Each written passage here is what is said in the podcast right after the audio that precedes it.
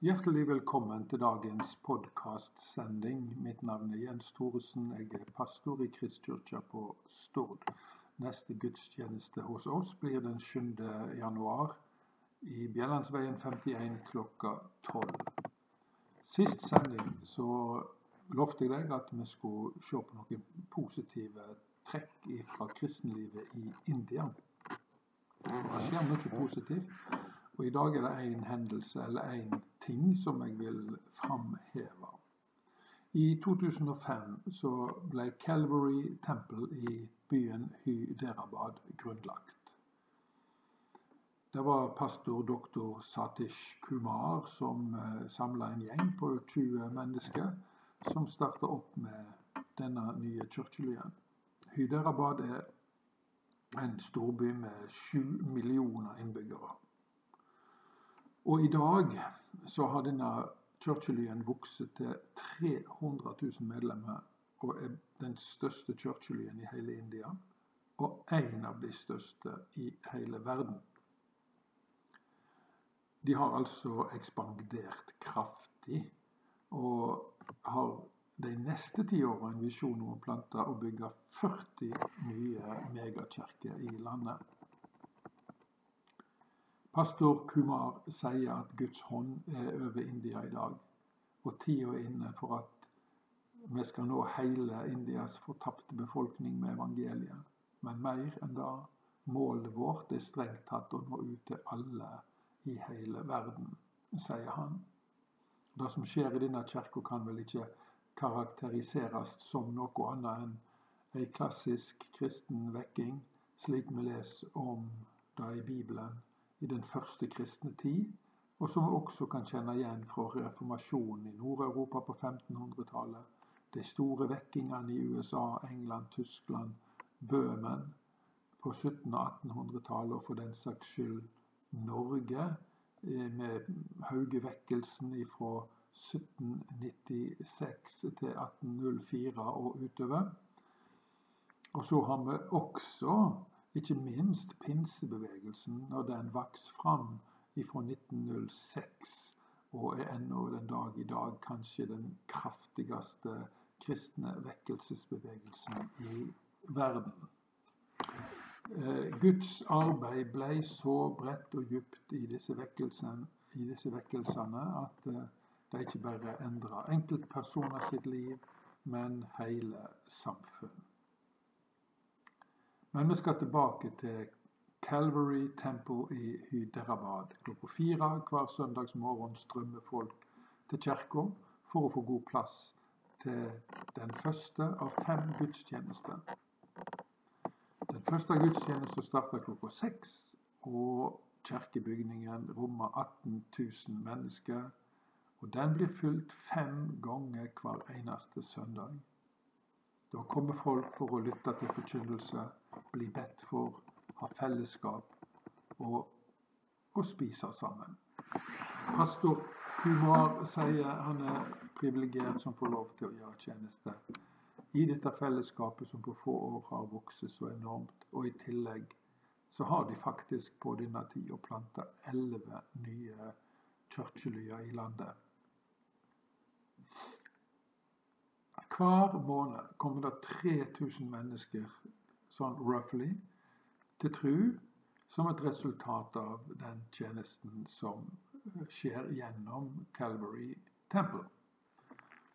Og vi kan spørre oss hvordan kan dette skje i et land der hinduismen har et så mektig grep på befolkningen? Hinduismen er jo en sterk religion. Og det er sikkert ikke et enkelt svar på det spørsmålet, men pastor Kumar har lagt vekt på en del faktorer som har vært god frykt. For det første så blir Guds ord forkynt slik som det står. Det er bærebjelken i arbeidet, så blir forkynnelsen praktisert. Og Som et eksempel på dette forteller han at hver søndag serverer de gratis frokost, lunsj og middag til alle som møter opp og har lyst på mat. Og dette er jo veldig kjærkomment for alle fattige. Og fattige er det en god del av i India. Eh, Navgali Mendem er ei dame som jobber frivillig med å lage mat til 50 000 mennesker hver søndag.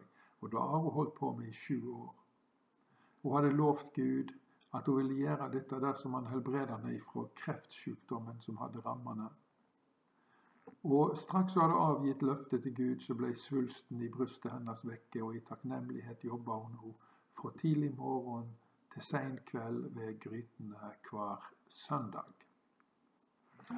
Kirka har òg sitt eget eh, sykehus, eller eh, helsehus, der syke mennesker kan få gratis konsultasjoner hver søndag, og de kan kjøpe medisiner til sterkt reduserte priser. Når vi tjener folk, så tjener vi Gud, sier pastor Kumar. Vi prøver å demonstrere Guds kjærlighet i praksis på alle de måtene vi kan tenke oss. En viktig nøkkel til suksessen er også bruk av media. Hver uke produserer Calvary Temple 650 TV-program som går ut på lufta på 17 av de største språkene i India. Disse programmene blir også kringkastet på landsdekkende TV. Og de blir sendt til Bangladesh, Nepal, Pakistan, Afghanistan, Gulfstatene og til Sri Lanka. Millioner blir i tillegg nådd gjennom ting som skjer på sosiale medier. Og så praktiserer pastor Kumar en morsom gest. Alle som har bursdag, får tilsendt ei kake med en gratulasjon fra han. Eh, alle medlemmer har fått et eget elektronisk kort som de bruker til å registrere seg når de kommer til kirka. Dersom noen av en eller annen grunn ikke registrerer seg en søndag, så blir de oppringt med spørsmålet om hvordan de har det, hva er det som har, om det har skjedd noe siden de har holdt seg hjemme, om det er noe som de trenger forbønn for.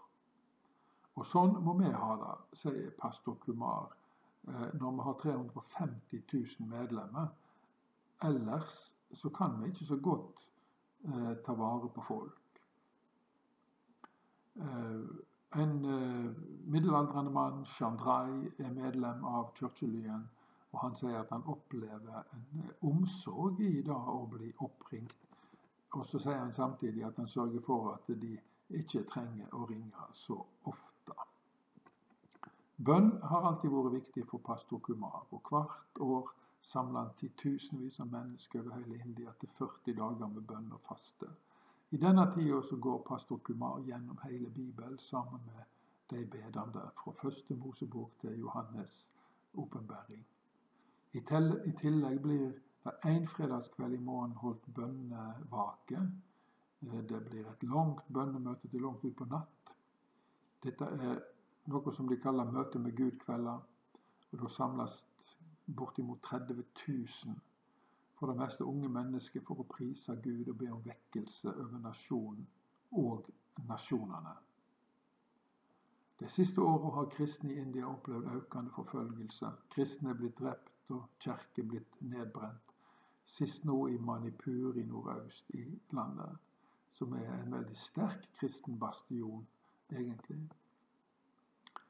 Eh, på spørsmål om hvordan forholder seg til forfølgelse, svarer pastor Kumar at jo mer vi blir forfølgde, jo raskere vokser vi.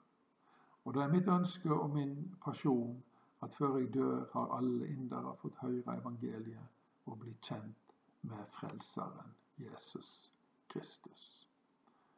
Kjelder for alt dette her er CBN News. Nå skal vi ta og be sammen Herren. Fader vår, du som er i himmelen. Lat navnet ditt helgast, lat riket ditt komme.